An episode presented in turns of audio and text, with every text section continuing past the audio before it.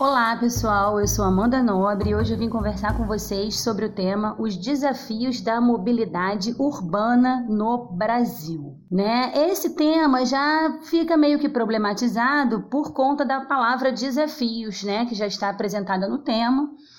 E fica fácil de você construir uma tese, né? Que poderia ser afirmar que existem impedimentos para que a mobilidade urbana se configure de forma eficiente no Brasil. É importante destacar para vocês que o termo mobilidade não diz respeito apenas aos transportes veiculares, não. Né? Além disso, ele também é usado em relação à acessibilidade das vias públicas, como as ruas e avenidas, com calçadas bem construídas, pavimentadas, que atendam às limitações físicas de pessoas com deficiência também.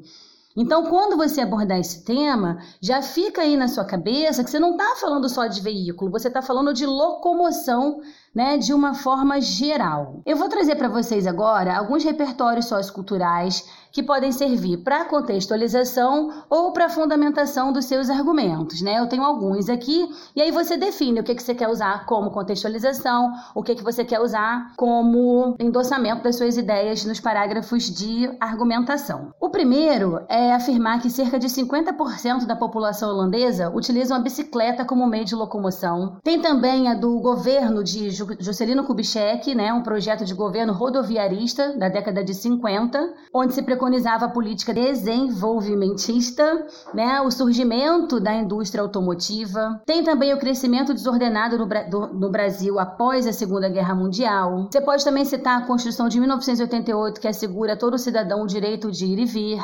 Né? Tem uma frase também de Washington Luiz, que é governar é abrir estradas. Foi um governo marcado pela ampliação de rodovias e estradas. Né? No século XX, o automóvel foi o maior meio de transporte. É, os versos de Drummond, no meio do caminho tinha uma pedra, né? Você pode associar isso, né, metaforicamente ao contexto dos engarrafamentos. Você pode também falar né, sobre o período clássico, né, a formação das polis, cidades, né, elas eram projetadas com o objetivo de promover maior desenvolvimento e interação social. Tem a expressão latina fugere urbem, né, do arcadismo brasileiro, né, que via a cidade como espaço caótico.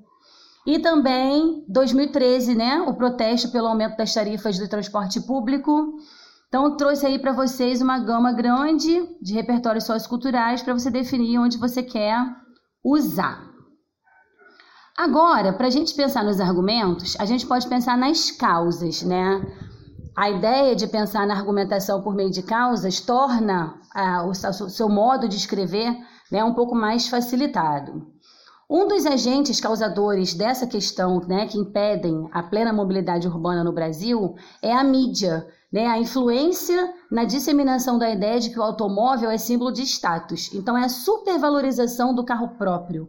Né, a chamada cultura do carro foi fortemente estimulada no século XX a partir da construção expansiva de vias de tráfego, à medida em que as cidades iam se desenvolvendo. Né? Nem sempre foi fácil para todo mundo ter um carro, mas hoje, com a disponibilidade de crédito, aumento do poder aquisitivo, a ascensão das classes, cada vez mais as pessoas têm oportunidade de adquirir um veículo, né? E isso passa a ser um objeto de status. Um segundo agente causador dessa problemática é o próprio governo. Né? Em que sentido? Na má qualidade dos transportes coletivos, falta de investimento constante no transporte público. Você pode pensar também na falta de planejamento, planejamento urbano, né, na questão dos engarrafamentos e acessibilidade. A falta de segurança pública, que impacta o cidadão no momento de decidir usar os transportes públicos. Os altos impostos. A construção e alargamento de avenidas não se dão de modo sustentável, né, o que contribui para o aumento desses engarrafamentos. Um outro agente causador é a própria sociedade, né, no que tange a sua falta de consciência a respeito dos meios de transporte.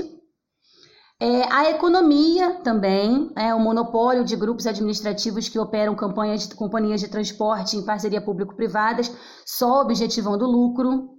Você pode também pensar no processo de gentrificação, que é o fenômeno causado pela especularização imobiliária nas áreas centrais, deslocando a população para as áreas periféricas e concentrando serviços, comércio e empregos nas áreas nucleares. Né? E aí faz com que esse cidadão, esse trabalhador tenha que ficar praticando o movimento pendular.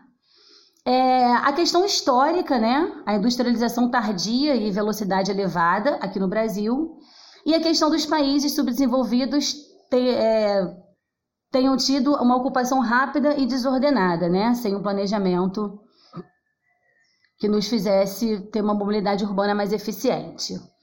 E aí, vamos pensar agora né, nas consequências, né, em alguns problemas que podem ser causados pelo excesso de veículos, são os congestionamentos, poluição sonora devido às buzinas, emissão de gases do efeito estufa, né, o que contribui para o aumento do aquecimento global, o sedentarismo, o estresse pelo tempo diário no trânsito, acidentes, preços abusivos, transportes precários sem segurança, deslocamentos mal planejados. E o que, que você pode pensar aí para intervenções?